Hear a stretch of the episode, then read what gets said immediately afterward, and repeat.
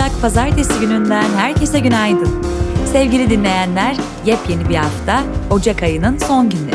Benim için oldukça sert geçti Ocak ayı.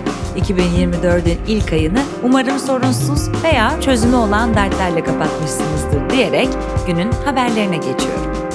Bugünün bülteni Skin Cuticles'la birlikte ulaşıyor.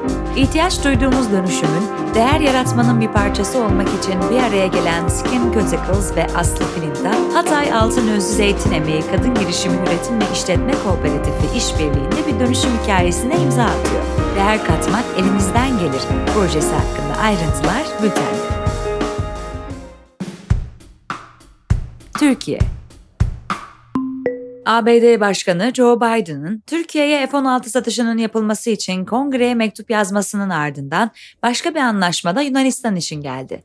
Anlaşmaya göre Yunanistan'a 8,6 milyar dolar değerinde 40 adet F-35 satılmasına karar verildi. Türkiye'nin 2021'den beri beklediği F-16 satış süreciyle ilgili onay kararının Yunanistan'la eş zamanlı olarak verilmesi dünya basınında oldukça konuşuldu. Reuters'ın haberine göre Türkiye'nin İsveç'in NATO üyeliğini onayladığına dair belgelerin Washington'a ulaşmasının ardından Kanada 2020 yılında aldığı İHA ve SİHA'ların ihracat kontrolü kararını kaldırabilir. Haberin devamında Türkiye'nin yapımında Kanada malzemelerinin bulunduğu İHA ve SİHA'ları NATO üyesi olmayan ülkelere satması halinde Kanada'yı haberdar etmesi gerektiği bilgisi yer alıyor. Türk Tabipleri Birliği Başkanı Şebnem Korur Fincancı'ya silahlı terör örgütü propagandası yapmak suçundan verilen 2 yıl 8 ay 15 günlük hapis cezası mahkeme tarafından onandı. Gazeteci Nazlı Ilıcak, 4 Aralık 2023'te girdiği cezaevinden yaklaşık 2 aylık tutukluluğun ardından tahliye edildi.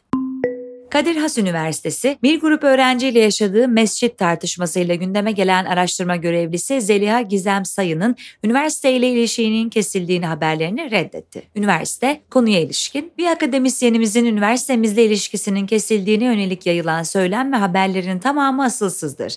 Kamuoyuna saygıyla duyurulur açıklamasında bulundu. Dünya İsrail Başbakanı Benjamin Netanyahu, Hamas'ın elindeki İsrailli esirlerin geri getirilmesi için düzenlenen protestoların bir faydası olmadığını, özellikle rehinelerin geri dönmelerini geciktirdiğini ve Hamas'ın taleplerinin artmasına neden olduğu belirtti. Daha önce basına sızan bir ses kaydında Katar'a teşekkür etmediğini belirten Netanyahu, Katar için liderlerini ülkede misafir ettiği ve finansal destek verdiği için Katar, Hamas hareketine baskı yapma imkanına sahip. Esirler konusunda Filistin hareketine baskı yapabilir, dedi.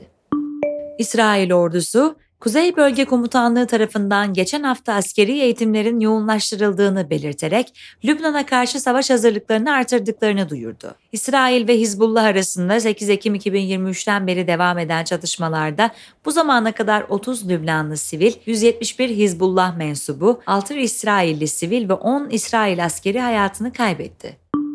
Birleşmiş Milletler Genel Sekreteri Antonio Guterres, BM yakın doğudaki Filistinli mültecilere yardım ve bayındırlık kuruluşuna fon sağlamayı durduran ülkeleri faaliyetlerine devam etmeye çağırdı. Kuruluşun başkanı Philip Lazzarini, İsrail'in suçlamalarıyla finansal desteğin kesilmesini şoke edici olarak nitelendirdi. Türkiye Dışişleri Bakanlığı, kuruluşun birkaç mensubuna yönelik bir takım iddialar nedeniyle bu kuruluşa yapılan yardımların durdurulması özellikle Filistin halkına zarar verecektir açıklamasında bulundu.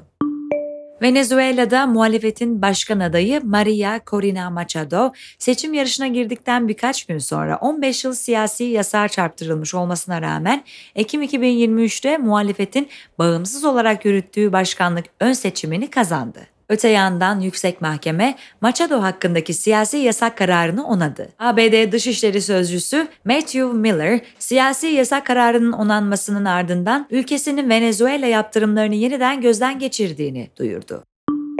Ukrayna Güvenlik Servisi aralarında eski bir savunma bakanlığı yetkilisinin de bulunduğu 5 kişinin silah satın alımında 40 milyon dolar yolsuzluk yaptığını açıkladı. Ukrayna Güvenlik Servisi yapılan anlaşmalar sonucunda ödemesi yapılan ve taahhüt edilen havan mermisi ve mayınların tedarik edilmediğini, şüphelilerin mal varlıklarına el konulmasıyla birlikte 12 yıla kadar hapis cezasıyla karşı karşıya olduklarını duyurdu. Güney Kore, Kuzey Kore'nin doğudaki bir askeri limandan birden fazla seyir füzesi fırlattığını duyurdu. Güney Kore Genelkurmay Başkanlığı pazar sabahı yerel saatle 8 sularında fırlatılan füzenin Güney Koreli ve ABD'li istihbarat yetkilileri tarafından incelendiğini açıkladı. Bu, Kuzey Kore'nin Ocak ayı içinde yaptığı üçüncü füze fırlatma denemesi oldu. Ekonomi TEPAV tarafından hazırlanan Türkiye Ekonomik Görünüm raporunun ikincisinde Türkiye ekonomisinin 2024 yılında yavaşlayacağı ve büyümenin %3,2, 2025'te ise %3,5 olacağı öngörüldü. Resmi gazetede yayımlanan kararla bankaların karşılığı bulunmayan her bir çek yaprağı için ödemek zorunda olduğu miktar 6 bin liradan 9270 liraya çıkarıldı. Tebliğ 31 Ocak'ta yürürlüğe girecek. ABD'de çekirdek PCE Aralık 2023'te yaklaşık 3 yılın en yavaş hızında yükselerek %2,9 arttı. Beklenti %3 seviyesiydi. Aylık artış ise %0,2 olarak kaydedildi. Gelen veriyle birlikte faiz indirimlerinin yakında başlayabileceği beklentisi güçlendi. Birleşik Krallık, Kanada ile son iki yıldır yürüttüğü Brexit sonrası ticari anlaşma görüşmelerini et ve peynir konusunda yaşanan anlaşmazlık nedeniyle askıya aldı. İki ülke Mart 2022'den beri görüşmeleri sürdürüyordu.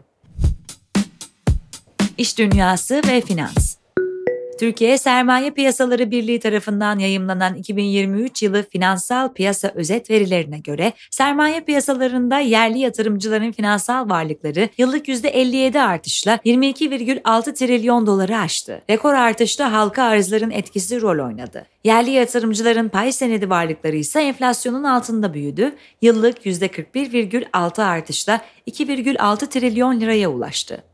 Bulut tabanlı yazılım çözümleri geliştiren Salesforce'un küresel iş gücünün %1'ini işten çıkaracağı açıklandı. Bu da rakamsal olarak yaklaşık 700 personele işaret ediyor. Şirkete yakın bir kaynak, şirketin hala 1000 kişilik açık pozisyonunun bulunduğunu ve bu işten çıkarmanın iş gücünde rutin bir ayarlama olabileceğini belirtti. Kızıldeniz'deki jeopolitik gerilim nedeniyle navlun fiyatları 8 haftadır artış gösteriyor. Drew Reen'in Dünya Konteyner Endeksinden derlediği bilgilere göre 40'lık konteyner bileşik endeksi 30 Kasım'da 1382 dolar seviyesindeyken 25 Ocak itibarıyla 3964 dolara yükseldi. İngiltere Rekabet ve Piyasalar Otoritesi tarihin en büyük operatör anlaşmalarından biri olan Vodafone ve Three birleşmesi hakkında antitrust soruşturmasına resmi olarak başladı. İlk aşamada iki şirketin birleşmesinin pazardaki rekabetin önemli ölçüde azaltmasına yol açıp açmadığına bakılacak. Teknoloji ve girişim Apple, gelecek ay yayımlanması beklenen iOS 17.4 ile AB'nin dijital pazarlar yasasına uyumluluk kriterlerini yerine getireceğini duyurdu. Avrupa Komisyonu, Apple'ın da aralarında bulunduğu 6 şirkete yasaya uyum için 7 Mart'a kadar süre tanımıştı. Netflix eş CEO'su Greg Peters, Apple Vision Pro'ya özel bir uygulama geliştirmeyeceklerini vurgulayarak bu bizim kayıtsızlığımızdan değil, bu cihazlar için pazarın henüz çok küçük olmasından kaynaklanıyor, dedi. Microsoft, Meta'nın Quest cihazlarını desteklediği karma gerçeklik platformu Microsoft Mesh'i Microsoft Teams'e entegre edeceğini duyurdu. Böylece Teams toplantılarında 3 boyutlu sanal gerçeklik özellikleri kullanılabilecek. Amazon, ABD'nin Mississippi eyaletinde 10 milyar dolar yatırımla iki yeni veri merkezi inşa edeceğini duyurdu. Amazon'un bulut bilişim platformu Amazon Web Services'e ait merkezlerin en az 1000 kişiye istihdam sağlaması bekleniyor. Günün hikayesi İstanbul'un Sarıyer ilçesi Büyükdere mahallesinde bulunan Santa Maria Kilisesi'ne saat 11.30 sıralarında pazar ayini yapıldığı sırada silahlı saldırı düzenlendi. Maskeli iki saldırganın kiliseye girerek ateş açtığı saldırıda başından vurulan bir kişi hayatını kaybetti. Yaşamını yitiren kişinin Türkiye Cumhuriyeti vatandaşı 52 yaşındaki Tuncer Cihan olduğu bildirildi. Cihan'ı öldüren saldırganın daha sonra kilisedeki cemaati de hedef alarak atış yapmaya çalıştığı ancak silahın tutukluk yaptığı aktarıldı. Saldırı sırasında kilisede bulunanların kendilerini korumak için yere yattığı ancak yaralananların bulunduğu bildirildi. Kilisede saldırı sırasında yaklaşık 40 kişinin ibadet ettiği, cemaatin içinde Polonya İstanbul Başkonsolosu Witold Lesniak ve çocuklarının da yer aldığı açıklandı. İstanbul Emniyet Müdürlüğü terörle mücadele ve istihbarat ekipleri saldırının terör amaçlı olup olmadığını araştırıyor. Devamı bültende. Evet sevgili dinleyenler, bugünün bülteni Skin Cuticles'la birlikte ulaştı. Mikrofonda ben İpek. Sizlere çok güzel bir hafta diliyorum. Tekrar görüşünceye dek hoşçakalın.